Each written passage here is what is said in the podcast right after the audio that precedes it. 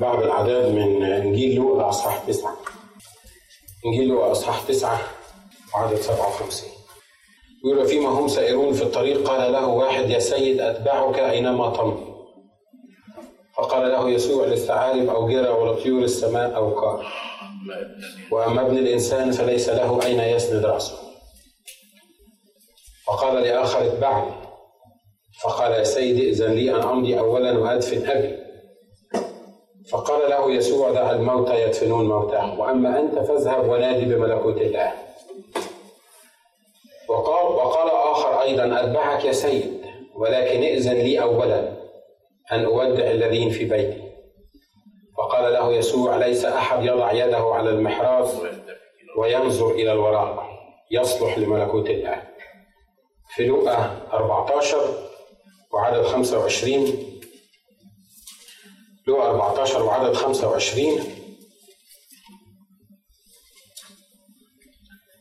وكان جموع كثيرة سائرين معه فالتفت وقال لهم إن كان أحد يأتي إلي ولا يبغض أباه وأمه وامرأته وأولاده وإخوته وأخواته حتى نفسه أيضا فلا يقدر أن يكون لي تلميذا. ومن لا يحمل صليبه ويأتي ورائي فلا يقدر أن يكون لي تلميذا.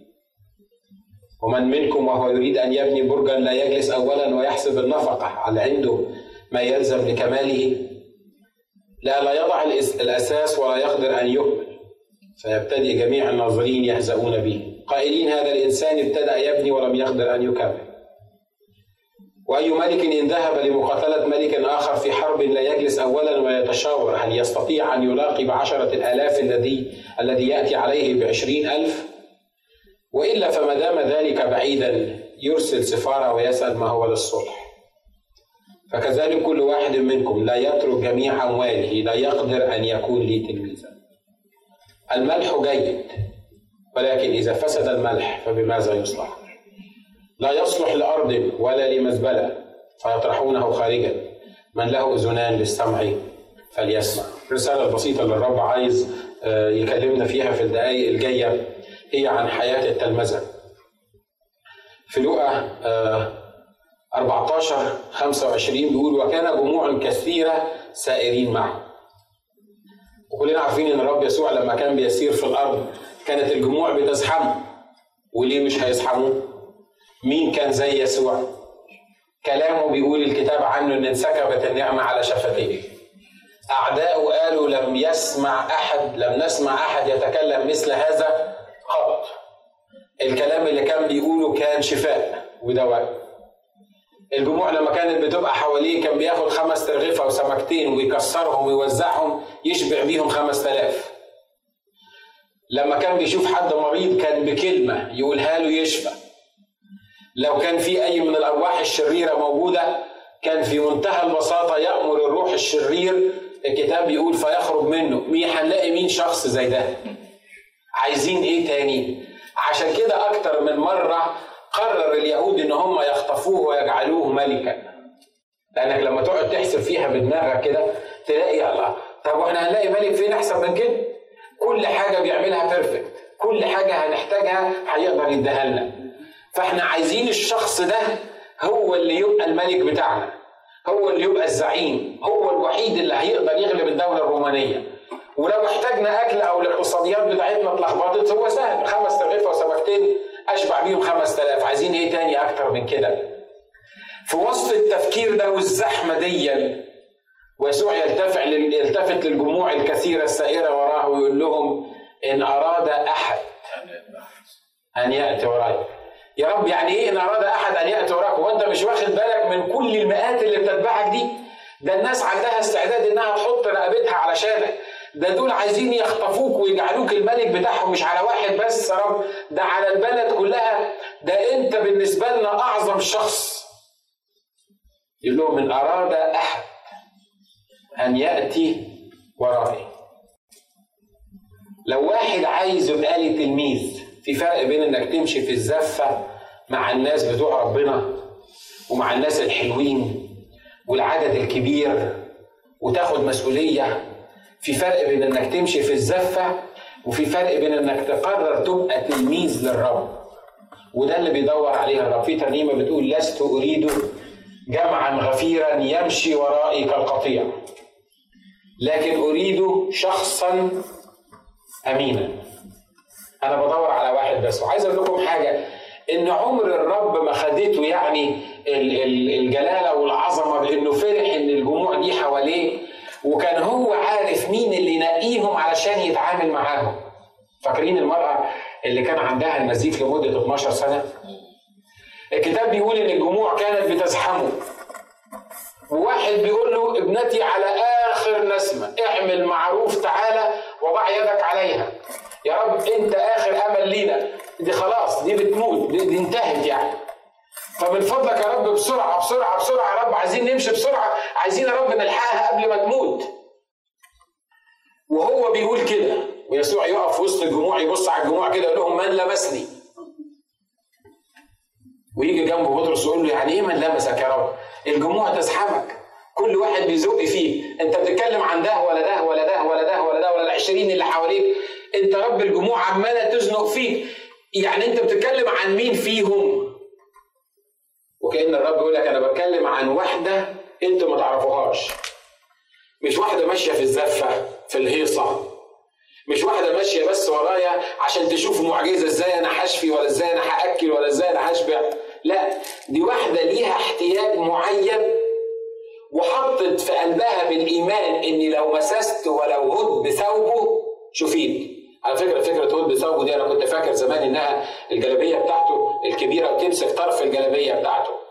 لا أصل الكلمة بتاعت هدب ثوبه دي زمان في حتى الشعب اليهودي لغاية دلوقتي ال traditional أو ال Orthodox Jewish لسه بيعملوا الحكاية دي بيلبسوا حاجة زي حبل كده يربطوها.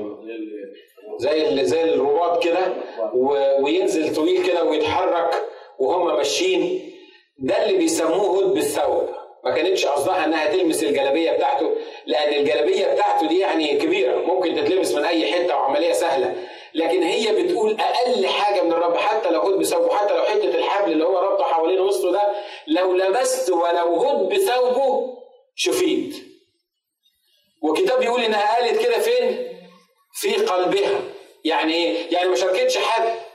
يعني الرب ما كانش عارف أو هي ما عملتش ضجة حواليها ما كانتش تقدر تعمل ضجة حواليها. ليه؟ لأن دي مراه نازفة الدم.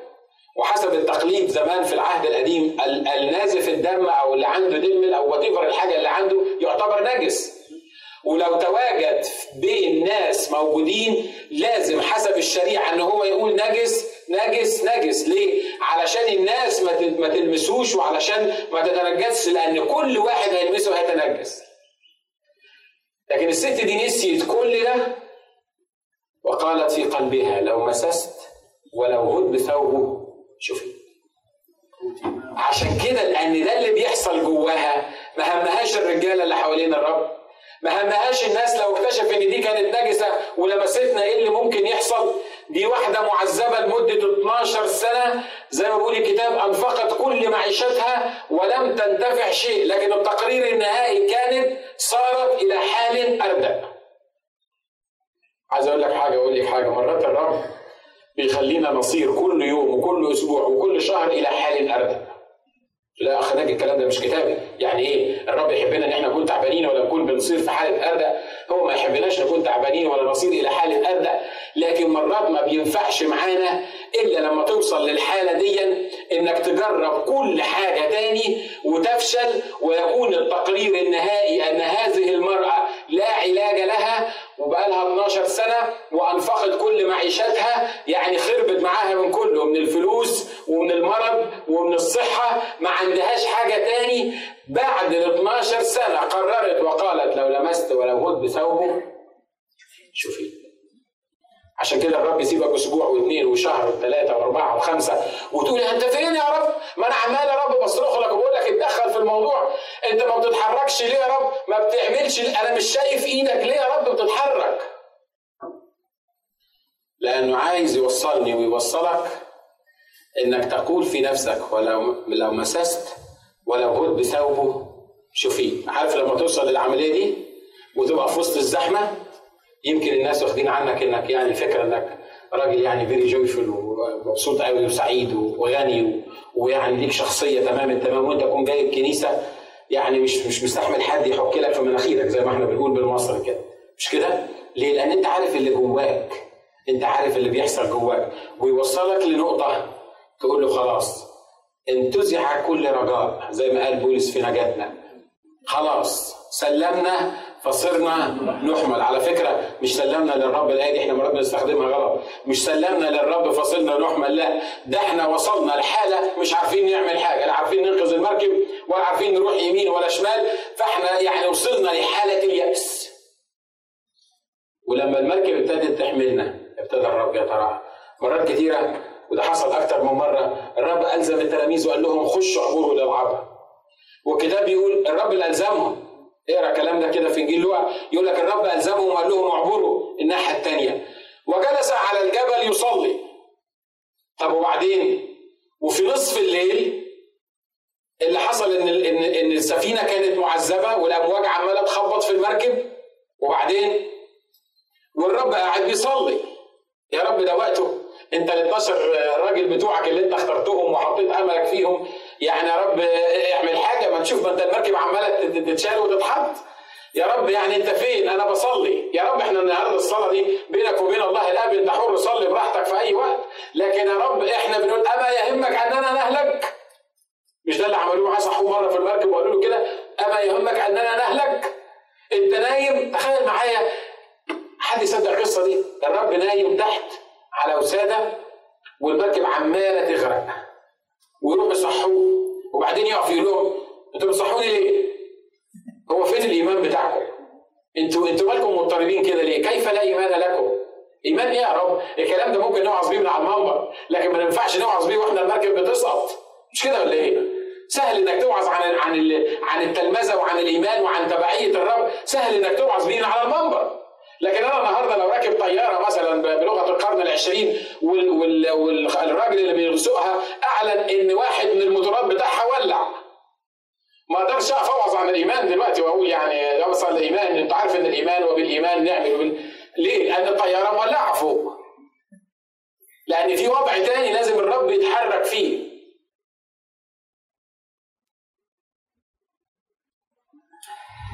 جموع كتيرة كانت ماشية ورا لكن قال لهم إن أراد أحد أن يأتي ورائي. أنا مش بدور على هيصة مش بدور على إخوة يجي يحضروا اجتماع يوم الأحد الصبح. أنا عندي إخوة كتير قوي الرب عنده إخوة كتير قوي مش كده؟ يعني شوفوا الكنايس التقليدية وغير تقليدية عنده ملايين الملايين من الناس. لكن يمكن يكون بيدور في الكنيسة بيقول وطلبت من بينهم رجل يقف في الثغر أمامي عشان ما مدش إيدي وأهلك المدينة. المدينة رب اللي كنت هنهلكها دي ما كانش فيها راجل فيها رجالة كتير فيها 10000 شنب. لكن أنا مش بعد بالشنبات أنا مش بعد بالرصان. أنا عايز رجل يقف في الثغر أمامي عشان ما مدش إيدي وأهلك المدينة. وللأسف الرب قال إيه؟ وجد ولا ولا ما وجدش؟ مدينة كاملة ما فيهاش راجل. عشان كده كتاب عايز يقول يا جماعة والرب عايز يقول لنا النهارده.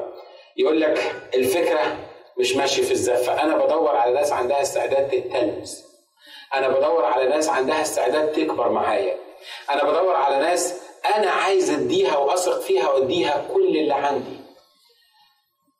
زمان لما دخلنا كلية الطب سنة أولى لبسونا البلطو الأبيض ورحنا المشرحة وماشيين ماسكين مش عارف إيه والآلات وبتاع فرحانين بنفسنا في القصر العيني. وطبعا كل الأبواب لازم تتفتح. مش كده يا دكتورة؟ وكل الأبواب لازم تتفتح قدامنا لدرجة إن أنا مرة بزق باب كده طلعوا بيعملوا عملية لواحد جوه وما كانش المفروض أفتح الباب. ما أنا دكتور لابس بلطو وأنا مش عارف أنا ماشي فين. وفي سنة أولى وتخيلت إن أنا يعني وصلت. وبتخيل إن وأنا في سنة أولى ممكن أخترع الذرة يعني ما أنا ما أنا ما أنا الدكتور. أنا الدكتور. لما رحت الجيش كمان واتخرجت بالمناسبة أنا كنت مربي شنب. فكان شكلي أكبر واحد في في الستاف اللي موجودين. أنا كنت عسكري ما كانش على كتفي أي نجمة ولا أي حاجة من الحاجات دي نشكر الله عشان أطلع بسرعة. كان المقدم بتاعي اللي بقاله 15 سنة في الجيش قاعد جنبي وكان يخش العيان الرتبة دول يسلم عليا ويقول لي أنا عايزك أنت تعمل لي الشغل بتاعي ليه؟ خدني إزاي ده؟ خدني بالشنب لأن أنا أكبر واحد في اللي موجودين حسب الرؤية. فكان المقدم كده يبص لي ويضحك ليه؟ لأن أنا عسكري وهو المقدم، يعني أنا ما أقدرش أقوم على الكرسي بتاعي أشتغل الرتبة ده إلا إذا المقدم ده عطاني الإذن إن أنا أعمل كده، لكن اللي بيخش من بره بيشوف أكبر واحد موجود، أكبر سن موجود، الراجل اللي شكله كده عجوز، فبيقول لك هو ده اللي عنده الخبرة، وهو ما يعرفش إن أنا لسه متخرج من 12 شهر، وثالث أسبوع اشتغل في الجيش ولو عملت له حاجة هوديه ورا الشمس. أنتوا واخدين بالكم من اللي الرب عايز يقوله؟ الفكرة مش زفة. الفكرة أنت مش متخرج منين. الفكرة أنت مش وضعك إيه. الفكرة أنت عندك استعداد تتبع الرب بتلمذة حقيقية وتقول يا رب أنا عايز أتعلم. أنا مش فاهم. وإحنا مشكلتنا كعرب وكمصريين إن مرات كتيرة ما بيعز علينا إن إحنا نقول مش فاهمين. مش كده برضه؟ بيعز علينا إن واحد يسألك سؤال وما تعرفش تجاوب. يعني ولا اسيس إزاي؟ مش انت القسيس بقى المفروض يعني أي حد يسألك سؤال المفروض إنك أنت تجاوب. ولو ما كنتش عارف تفتي. في الطب ممكن تفتي وفي الهندسة ممكن تفتي والكهرباء كمان ممكن تفتي. ما عندكش ما عندكش ما هو انت ما تقدرش تقول مش عارف. زي بالظبط اللي لسه ما اتخرجش من الكلية وعايز يعمل عملية كبيرة. إحنا عايزين نستمتع بكل بركات الرب. عايزين نعيش الحياة المسيحية الحقيقية الصحيحة لكن ما عندناش استعداد نخش مدرسة الرب. ما ينفعش. ما ينفعش.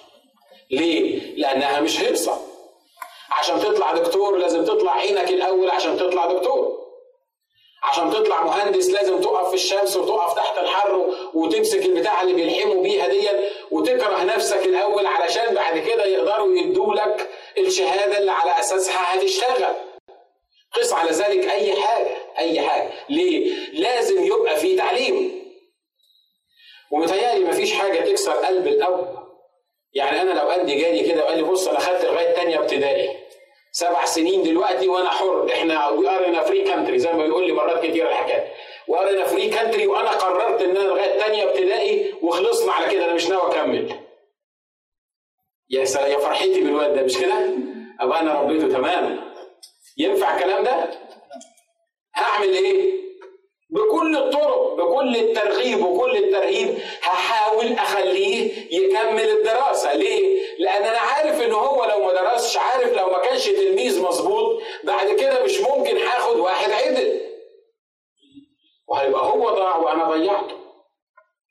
والنهاردة الرب بيبص لنا من فوق وبيقول لك بقالك كام سنة بتحضر الكنيسة؟ بقالك كام سنة بتيجي وبترنم وبتقول مش هركز راسي ويسوع راح يتمجد. حلو رائع عظيم. بس بيقول وكان جموع كثيرة سائرين معه فالتفت وقال لهم إن كان أحد. إن دي شرط. لو واحد في الناس اللي ماشيين ورايا عايز يأتي إلي ولا يبغض أباه وأمه ما ينفعش ما استحقنيش. ومرة تاني بيقول لهم إن أراد أحد أن يأتي ورائي فلينكر نفسه ويحمل صليبه. يخش في المدرسة أعلمه من الأول وجديد. زمان أول سنة اتعلمت فيها الإنجليزي الكلام ده كان في سنة أولى إعدادي. حفظت ABC وبعدين قلت طب ده الإنجليزي سهل أهو ما هو كل الإنجليزي خلاص إحنا حفظناه ABC وأنا كنت فاكر مثلا إن أنا لما أقول بابا لما أكتب بابا بالإنجليزي تبقى بي اي بي اي سهل. ففين الكلمة اللي هتقف قدامي. ما هو كل كلمة أنا ممكن استهجاها وأكتبها بالانجليزي مصر بقى ما تاخدوش على يعني ده اللي ده اللي كان حاصل يعني. صدقوني يا جماعة مرات في الحياة الروحية إحنا بنتصرف بهذه الطريقة. لكن الرب بيبص من فوق بيقول يا جماعة أنا مش عايز ناس تيجي تحضر اجتماع. أنا عايز ناس تيجي تتلمس تخش في المدرسة بتاعتي. وشوفوا دايما التعليم غلس. دايما التعليم يعني بيضايق. مش كده برضه؟ أيام ما كنا أولاد صغيرين حد فيكم كان بيحب المدرسة يعني وكان بيقرر؟ أنا عارف إن يمكن حد فيكم يرفع إيديه بس anyway. حد فيكم كان يعني وهو بيروح المدرسة كان بيبقى very excited ونفسه يروح المدرسة عشان عايز يتعلم. حصل الكلام ده وإحنا صغيرين؟ مرات كتيرة كان الواحد يقول لك إيه بابا أنا تعبان أنا عندي سخونة أنا يا رب أنا بابا مش قادر أتحرك. وبعدين أنا مش قادر أروح المدرسة. ممكن أقعد النهارده؟ تقول له طب اقعد. بس خمس دقايق تعدي على ميعاد المدرسة. ويبقى زي الحديد. وتبص تلاقيه قام وتنطط وحاجات من كده. وبعدين تبص له تقول الله. هو ده اللي, اللي كان تعبان من عشر دقايق وكان مستموت وكان بيطلع في الروح عشان ما ودوش المدرسة. أصل الفكرة الأساسية إن التعليم مش سهل. إن عشان أنا أخضع وأروح الفصل وأتعلم وأدرس دي حاجة مش يعني مش حاجة ظريفة إن أي حد يحب يعملها، لكن مفيش مفر فيها يا جماعة لو كنا عايزين نبقى تلاميذ حقيقيين للرب يسوع. لو عايز أستمتع بحياتي مع الرب يسوع ما عنديش أذر أوبشن. ما عنديش ما عنديش اختيار تاني. ليه؟ لأني لازم أخش المدرسة.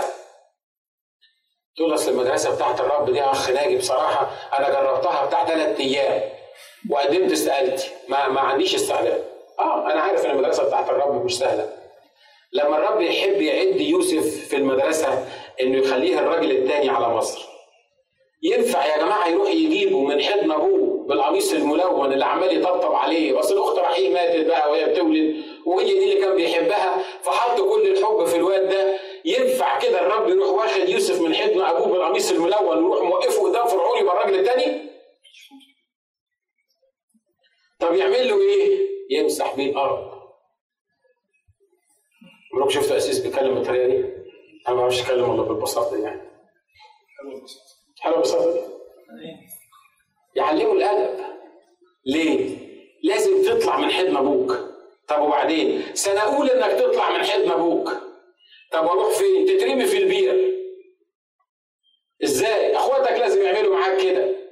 هي دي سنه اولى؟ دي سنه اولى دي صعبة قوي طب إحنا قدرنا عليها. وترمى في البير. سنة تانية إنك تطلع من البير وتتباع لقافلة الإسماعيليين عبد. إيه ده؟ هو كل سنة أصعب من السنة اللي قبليها؟ آه. سنة تالتة إنك تروح تشتغل خدام عند فوتيفار رئيس الشرط سنة رابعة هدخلك الامتحان بقى أشوفك تنجح فيه ولا لأ؟ أشوفك تعمل الخطية ولا لأ؟ أنتوا واخدين بالكم إن كل سنة وده الشيء الطبيعي مش كده؟ اللي بتعلمه لابنك في سنة أولى غير اللي بيتعلمه سنة ثانية غير اللي بيتعلمه كل سنة أنت يعني you trust بحاجة أصعب ليه؟ عشان توصله لمستوى سنة رابعة إنك تخش السجن لما تكرمني وما تعملش الخطية إنك تخش السجن سنة خمسة إنك لما تقول للناس اللي معاك رئيس السقاء ورئيس الخبازين وبذكروني عند الملك يطنشوك لمدة سنتين. هي دي المدرسة بتاعت الرب. أنا مش بخوفك منها. بس أنا عايز أقول لك حاجة. أنا النهارده لما كنت داخل كلية الطب ما كنتش بشوف القرف اللي إحنا شفناه في أول سنة لا. أنا كنت بشوفني وأنا في العيادة. لو أنت كان عندك رؤية روحية لأن إيه اللي هيعمله الرب في حياتك بعد ما تتخرج؟ سنة أولى وسنة تانية وسنة تالتة اللي إحنا بنتكلم عليها دي هتبقى صعبة ومتعبة لكن هتلاقيهم سهلين. مش كده؟ الأخ يعقوب كان بيحب رحيل وراح لابوها وقال له أنا ما عين لي أنت عايز إيه؟ قال له تخدمني سبع سنين. قال لك سهلة ده رحيل لي تستاهل بتاع كام سنة؟ خدم سبع سنين تانيين. واللي حصل؟ أنا ما أعرفش إزاي ما تفكروش في التفاصيل لأن التفاصيل شوية متعبة. يصحى الصبح يلاقي نفسه متجوز واحدة تاني. ما ما وين وبعدين يقول لأبوها إزاي عملت فيا كده؟ يقول لا أصل إحنا ما ينفعش في المكان بتاعنا إن إحنا نجوز الصغيره قبل الكبيرة. انت عارف تعمل إيه؟ تخدم كمان سبع سنين. 14 سنة يا اخوانا 14 سنة عشان يتجوز واحدة. هي طبعا تستاهل يعني. Have a precious ladies. بس 14 سنة عشان يحقق الهدف بتاعه عشان يتجوز واحدة. عارف الكتاب بيقول إيه؟ وكانت في عينيه كأيام قليلة. ال 14 سنة. ليه؟ أصله بيحب. أصله بيحب. أصله قرر إنه يتلمذ قرر إن هو يحط نفسه في الوضع ده لأن ليه هدف قدامه. النهارده لو أنت قعدت تحسبها طبعا مش ممكن تحسبها وأنت في سنة أولى لأنه يعني في سنة أولى ما عندنا المخ ده. لكن لو قعدت تحسبها وتقول لسه هناخد ست سنين ابتدائي وكمان ثلاثة إعدادي وكمان ثلاثة ثانوي وكمان سبعة طب ولا خمسة هندسة ولا مش عارف مين 23 سنة وأنا داخل عندي كمان ست سنين يعني 29 سنة هقعد أتعلم ليه يعني هبقى إيه في النهاية؟ أصلك لو ما عملتش كده مش هتبقى حاجة في النهاية. لا هتبقى دي ولا دي ولا دي ولا دي. هتبقى هوملس مش كده؟ مش عايز أقول اللفظه الثانية يعني. ليه؟ لأنك ما اتعلمتش. لأنك ما عندكش استعداد تمشي في في في في, في التلمذه اللي الرب عايز عشان كده الرب النهارده بيدور بيقول يا جماعة مؤمنين إحنا مش هنتكلم إلا في مقدمة الموضوع بس. يا جماعة مؤمنين أنا مش عايز ناس تمشي ورايا في الزفة. أنا تعبت بقى وعندي كتير. أنا عايز شخص أمين. أنا عايز واحد يكون عنده استعداد إنه يحسب النفقة زي ما بيقولوا ويحط نفسه قدامه ويقول لي يا رب أنا عايز أبقى تلميذك. عايز أقول لك حاجة. وأنت في المدرسة بتصرف. وبتدفع وبتتعب وبتاخد مواصلات وبتروح وبتتحط في امتحانات. فاكرين امتحان الثانوية العامة اللي خدوا فينا الثانوية العامة؟ ولا الدبلوم أو أي حاجة. فاكرين الامتحانات دي كانت بتبقى ليالي سودة. مش كده؟ ليه؟ مرعبة. حتى الواحد مهما الواحد كان مذاكر بس يبقى تاني يوم عنده امتحان والامتحانات في بلادنا غير الامتحانات الهنا اللي إحنا يعني ولادنا بيخشوها دي بس تلاقي الواحد جايب لك إيه وهو مبسوط جدا أنت مش عارف هو أصلا ذاكر إمتى وكان ذاكر ولا ما ذاكرش I'm very excited يعني لكن الامتحان في بلادنا أنتوا عارفين يعني الواحد كان يخش حتى المذاكر كانوا يرعبوه مش كده برضه؟ مش كده يا؟ آه فمش عملية سهلة لكن عايز أقول لك ما ينفعش يا جماعة نتنقل من سنة لسنة إلا لما أخش امتحان مش كده برضه؟ في مرة من المرات سمعت إن رئيس البلاد قرر العفو عن الطلبة بتوع سنة ثالثة وكلهم يطلعوا سنة رابعة ينفع الكلام ده؟ لو عمل كده يبقى مش بيكرمهم ده بيدمرهم ليه؟ لأن لازم تاخد الكورس كله واحد اثنين ثلاثة أربعة خمسة ستة لغاية الآخر بس نصيحتي ليك النهاردة ونصيحتي لنفسي اللي الرب بيقولها لنا بص اللي أنت بعد ما تتخرج هتبقى إيه وأنت تلاقي الأيام بتاعت الدراسة عبارة عن أيام قليلة في عينيك. وده بيفرق بين واحد بيواجه مشاكله وظروفه والحاجات اللي بيمر فيها وهو عنده رؤية فاهم إن اللي بيحصل معاه ده بيحصل معاه لأن الرب عايز يعمل معاه كذا. وفي بين واحد متلطش هو كلنا متلطشين بس يعني المتلطشين دول أنواع. منهم نوع بيبقى فاهم هو بيتلطش ليه. ومنهم نوع يفضل يتلطش يتلطش يتلطش وهو مش فاهم وغالبا مش عايز يفهم. عشان كده اللي أنا بقوله النهارده يا جماعة واللي عايز الرب النهارده إنه عايز تلاميذ. بس في حتة لازم نقولها عشان تكمل الصورة. في كل موقف الرب بيمررنا فيه في كل امتحان. فاكرين زمان لما الواحد كان يخش الامتحان كان يقول اعمل معروف يا رب اقف معايا يا رب اعمل معروف خليني اجاوب أنا كنت بعمل كده. مع إني كنت بجيب درجات كويسة بس مش كلكم برضه كنتوا بتعملوا كده ولا أنا بس اللي كنت بخاف في الامتحانات؟ ها؟ وكنا كلنا بنبقى مرعوبين. وبعد ما تطلع من الامتحان ومجرد ما تمسك الورقة وتلاقي نفسك عارف تحل ثلاث أسئلة من أربعة تلاقي نفسك في منتهى السعادة ليه؟ لأن ربنا استجاب الصلاة بتاعتك، عايز أقول لك حاجة في كل امتحان الرب بيدخلك فيه من حلاوة إلهنا إنه بيبقى موجود معاك في الامتحان. الكتاب بيقول وأذناك تسمعان صوتا خلفك قائلة هذه هي الطريق أسلك فيها.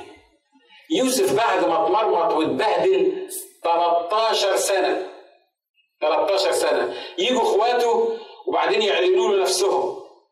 يقول لهم حاجة عجيبة جدا. يقول لهم ليس أنتم أرسلتموني إلى هنا بل الله. لاستبقاء حياة أرسلني الله قدامكم. يعني أنت كنت فاهم إن اللي بيحصل معاك ده كان من الرب؟ حتى لو ما كنتش فاهم ساعتها كإنسان وكنت مضغوط. وعلى فكرة الرب مش عايزنا نبقى superstars يعني مش عايزنا نبقى جبلات ببساطة. معرفش جبلات دي معروفة ولا لأ. ما أعرفش المرادف بتاعها إيه. يعني مش عايزك انك يعني اول ما تتحط في موقف تلاقي نفسك مبتسم زي الابله كده وانت مش عارف الدنيا ماشية إزاي. لا هو عارف الكتاب بيقول يعرف جملتنا. يذكر اننا تراب نحن. بس اللي عايزه مني ان أنا اركن عليه واقول له ده الموقف اللي انت حطيتني فيه. ويعني ده الموقف اللي مش اللي أنا جبته لنفسي ده الموقف اللي انت حطيتني فيه. عشان كده أنا منتظر ان انت تكون موجود معايا. حتى لو ما كنتش فاهم الرب بيعمل معاك كده ليه. لكن لازم تفهم إنك تلميذ في مدرسة الرب. وبعد كده مرة تانية هنكمل ال- ال- الشروط بتاعت التلمذة دي لازم تفهم إنك تلميذ في مدرسة الرب وإن ده لازم يحصل معاك لأن ده امتحانات. عمركم شفتوا واحد طالب بيجي للأستاذ بتاعه يقول له بص أنت كل شوية تقرفنا تعمل لنا امتحان؟ إحنا مش عايزين الامتحانات بتاعتك دي تاني. ينفع الكلام ده؟ ها معايا ولا معايا مش كده؟ ينفع الكلام ده؟ طب إحنا بنعمل كده مع الرب ولا ما بنعملش؟ بنعمل. مش كده؟ اول ما تمر بالامتحان تقول له كفاية بقى تعبنا. يعني يعني هنعمل إيه تاني؟ عمال تطلعنا من ساقية زي ما بيقولوا توقعنا في طاحونة. هنا كاتب المزمور بيقول له عبرت أناس على أكتافنا. عبرتنا في الماء والنار. جعلت ضغوطا على متوننا. تعبنا هو يقول لك أنا عارف بس يا حبيبي ده ال course وكل واحد فينا ليه course معين. على حسب ما الرب هيتمم على حسب ال course بتاعك. يعني لما أكون مثلا حت هتشتغل في ماكدونالد مش هيدوك تدريب زي واحد آه هيشتغل مثلا نفسه في مستشفى. مش كده ولا إيه؟ لا في الوقت ولا في ال severity ولا في يعني الحاجات يعني كل واحد ليه الكورس بتاعه. يقول لك بص أصل أنا عينتك إنك تعمل كذا كذا. ولأن عينتك إنك تعمل كذا في حياتك فأنت لازم تمر في الكورس المعين. الكورس المعين لازم يحصل معاك كذا وكذا وكذا وكذا. خلي بالكم إن هنا في إن الشرطيه إن أراد أحد. يعني إيه؟ ما حدش بيغصب حد. يعني الرب مش هيغصبك إنك تبقى تلميذه. ممكن الرب يخليك أخ قاعد على الكرسي وحلو وتمام ويطبطب عليك ويعزيك ويباركك وترنم معانا وتهيص معانا وتاخد بعدك تطلع بره إبليس يديلك فوق نافوخك ويفضل يعمل حكاية كده لما تيجي المرة اللي بعدها أنت حر. أنت اخترت كده أنت حر. لكن إن أراد أحد أن يأتي ورائي هنا بقى يخش في الكورس بتاعي بس أنا عايز أوريه اللي هيحصل معاه بعد كده. عايز أقول لكم إن مرات كان بيحصل معايا حاجات في حياتي كنت أبص للرب كده وأقول أنا مش عارف أقول لك إيه. يعني لما جيت مثلا أمريكا هنا وأنا ما كنتش جاي أقعد والرب قال لي اقعد. طب نقعد. نعمل الورق. عملنا الورق. الورق ضاع في البوسطة ثلاث مرات. معرفش قلت لكم الحكاية دي قبل كده ولا لأ. قعدت سنة ونص أبعت الورق الورق يضيع. الجواب اللي هم يبعتوه لي عشان عايزين مني ورق ما يوصلنيش. الجواب اللي يقولوا لي قفلنا ال case بتاعتك يوصلني. ما أعرفش اشمعنى الجواب ده اللي كان بيضيع. ابعت أقول لهم ما وصلنيش جواب. يروحوا باعتين لي يقولوا لي إحنا بعتنا لك كذا كذا وعايزين الورق منك كذا كذا اللي أنت هتعمل بيه ال case بتاعتك. الجواب ده ما يوصلنيش. بعد ثلاث شهور يقفلوا ال case. اللي بعتوا يقولوا لي إحنا قفلنا ال case للمرة الثانية يوصل. وصلت لمرحله قلت له قول لي بقى أنت عايز إيه؟ لا أنت مخليني مروح ولا مخليني قاعد. وبعد ما كان ما كان يومي كله بيبقى من الساعة 8 الصبح لغاية الساعة 1 2 بالليل مشغول في مصر النهارده انت جايبني هنا قاعد بايسني وحاططني جنب الحيط زي ما بيقولوا. أنا ما خدتش على كده. أنا ما عنديش استعداد أكمل بالمنظر ده. وساعتها طبعا كنت بقول له بلاش. بلاش الامتحانات. لكن بعد كده فهمت إن الرب بيعد لحاجة معينة. بيعد لحاجة معينة. امبارح كنا بنتكلم عن الخدمة في وسط المسلمين. وبقول إن أبعد مكان في ذهني ان ممكن أستخدم في وسط المسلمين. ولما كان واحد من المسلمين يبعت لي جواب في مصر كواحد من الخدام في في مصر ما كنتش أقدر أرد عليه. ليه؟ أقول آه ده لازم البوليس هو اللي عامل فينا الفصل ده، لازم البوليس عايز يقبض عليا، لازم البوليس عايز مش عارف، وبعد كده عندنا 12 مليون واحد مسيحي لما نخلصهم نبقى نخلي بالنا من المسلمين.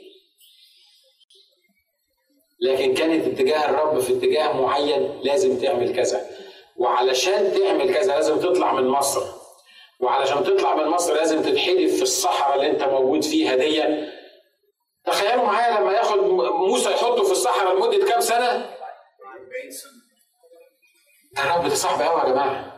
ده صعب قوي مش كده؟ ما كانش يعني ده كان يتحمص في سنة ولا اثنين ولا ثلاثة ولا خمسة بالكثير يعني. بس 40 سنة ده عمر. 40 سنة يا جماعة عشان يعلمه. وكان بيعلم موسى إيه؟ يعني إيه اللي كان ناقص موسى؟ ده موسى لما طلع 40 سنة الكتاب بيقول إنه كان متعلم بكل حكمة ومثقف بكل حكمة المصريين. والراجل اللي كان المفروض مرشح ان يمسك عرش فرعون، إيه اللي ناقص له في التعليم ده؟ هتعلمه إيه في الصحراء يعني؟ إيه اللي موجود في الصحراء مش موجود في بيت فرعون؟ حاجة تحير، حاجة تخلي الواحد يعني مش ما تقدرش تفهمها بدماغك. وبعدين إيه الدرس اللي هتقعد تحفظه فيه 40 سنة؟ 40 في 12 يعني 48 شوف كام دول؟ 480 شهر. تقعد تعلمه في درس. ولما يكمل 80 سنة يقول له تعالى ابعتك مصر. عارفين الدرس اللي كان الرب عايز يعلمه لموسى إيه؟ جملة واحدة بس. ليس بالقوة ولا بالقدرة بل بروحي قال رب الجنود قبل ما يطلع من مصر قرر انه يقتل الراجل المصري. ليه؟ ما عنده عضلات. ويعرف يدبه بنية يروح منزله في الأرض ويتويه يحفر أنا حتى ما قالش لأهله. ما يقدرش يقول لأهله. الكتاب بيقول إن هو ضربه وحطه ودفنه ومحدش شاف حاجة. بعد 80 سنة لما كان عنده 80 سنة الرب بيقول تعالى ارسلك لمصر قال له مين أنا؟ ده أنا ما بعرفش أتكلم. ده أنا لساني مش عارف شكله إيه. ده أنا ما ينفعش. قال له بس حفظت الدرس. عايز أقول لك حاجة ما تطولش مدة التدريس لأنك ممكن تطولها وممكن أنت تأثرها. يعني في واحد يذاكر المناهج كلها عندك 30 منهج يذاكرهم في سنتين مش كده؟ وفي واحد يقرر إن هو كل سنة ياخد مادة واحدة كل سنة يخش امتحان واحد. أنت فاهميني طبعا إيه مش كده؟ عشان كده بقول لك ما تطولش مدة التدريس. يعني إيه؟ شوف الرب عايز منك إيه؟ واعمله بسرعة وتعلم الدرس واخضع وقول له حاضر يا رب أنا تحت أمرك أنا هنفذ اللي أنت بتقوله لما تعمل كده بسرعة تبص تلاقي الرب ياخدك للفصل اللي بعديه وللشهر اللي بعديه وللسنة اللي بعديها وتلاقي نفسك عمال تكبر تكبر تكبر بمعدل أنت مش قادر تتخيله لكن لو زرجنت مع الرب إيه اللي هيحصل؟ هنختم بدي لو زرجنت مع الرب إيه اللي هيحصل؟ ها؟ هتبقى مؤمن بنك عارفين الأخ برنابانوس زمان أخ برنابانوس برنابانوس كان بيقول لك في حاجة اسمها مؤمنين بنك يعني إيه مؤمنين بنك؟ يخش من من الباب يقعد على نفس الكرسي اللي هو اتعود يقعد عليه ويقعد مبلم كده والناس ترنم آه برضه ممكن يرنم وناس تصلي ممكن برضه هو حافظ ثلاث أربع صلوات تمام يعرف يسحب اي واحدة فيهم يقولها في الاجتماع وكل اجتماع عنده حاجة معينة وفي الآخر خالص يروح. إحنا مش عايزين مؤمنين بنوك. الرب هدفه وخطته لينا يا جماعة إنه عايز تلاميذ. إن أراد أحد أن يأتي ورائي. إن أراد أحد أن يأتي ورائي. يا ترى تقول يا رب أنا عايز أبقى تلميذ ليك. علشان أنا رب أنا عايز أكتشف خطة شخصك ليه على فكرة وأنت بتمشي في التعليم ده أنت بتتلذذ بالرب بطريقة مش معقولة. عايز أقول لكم حاجة أنا ما شفتش الرب وما تلذذتش بالرب. وأنا بره المواقف الصعبة قد ما تلذذت بيه وأنا جوه المواقف الصعبة. مش كده؟ يعني حتى المواقف الصعبة بتنشئ تلذذ معين بالرب. زي ما كنا بنقول امبارح ما كانش ممكن الرابع الشبيه بابن الآلهة يجي ويتحرك في وسط الثلاث فتية إلا إذا دخلوا الأتون. مش كده؟ ما كانش ممكن يبان الرب اللي سد أفواه الأسود إلا إذا لما نزل دانيال هو بالاسود عشان كده مش هنقدر نستمتع بالرب وإحنا مش قادرين نعيش تلاميذ للرب خلينا نحن رؤوسنا نصلي مع بعض. وقول يا رب النهارده أنا قررت إن أنا أبقى تلميذك. عارف إنه صعب وعارف إنه مش سهل وعارف إن حاجات كتيرة يا رب ممكن ما أفهمهاش وأعاني منها. لكن أنا النهارده يا رب قررت إني مش هكمل حياتي يا رب زي ما أنا ماشي فيها. لأن حياتي يا رب بالمنظر ده حياة متعبة حياة مملة يا رب. أنا بفقد بفقد أيام. الأيام بتجري مني يا رب.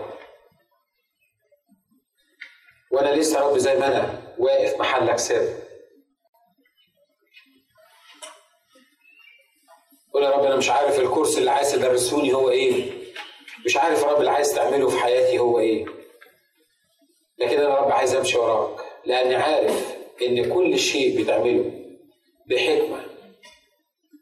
وإن يا رب خطتك ليا هي المثلى وأنا يا رب بحط نفسي بين ايديك النهارده.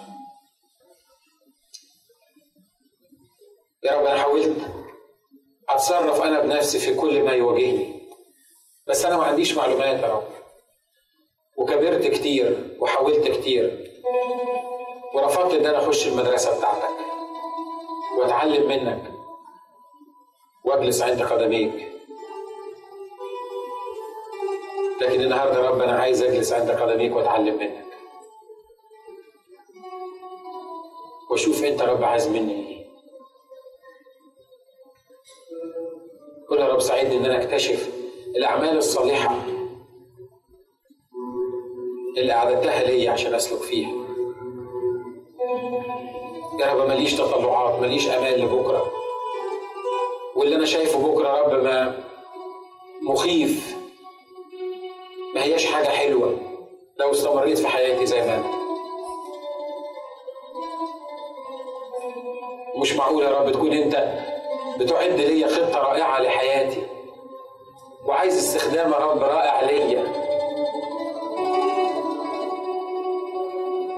وأنا يا رب أمس كل ده.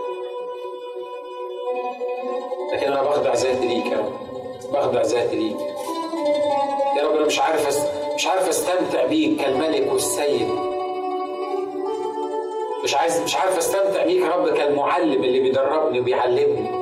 مش عارف يا رب مش عارف. لكن النهارده بسألك يا رب إنك تعلمني. وتخليني أنتظر بصبر وبسكوت خلاصك. فهمني بكرة بالنسبة لي يا رب. فهمنا رب خطة شخصك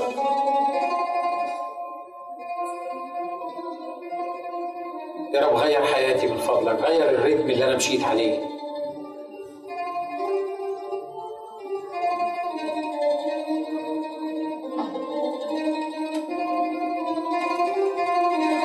علمني يا رب علمني علمني.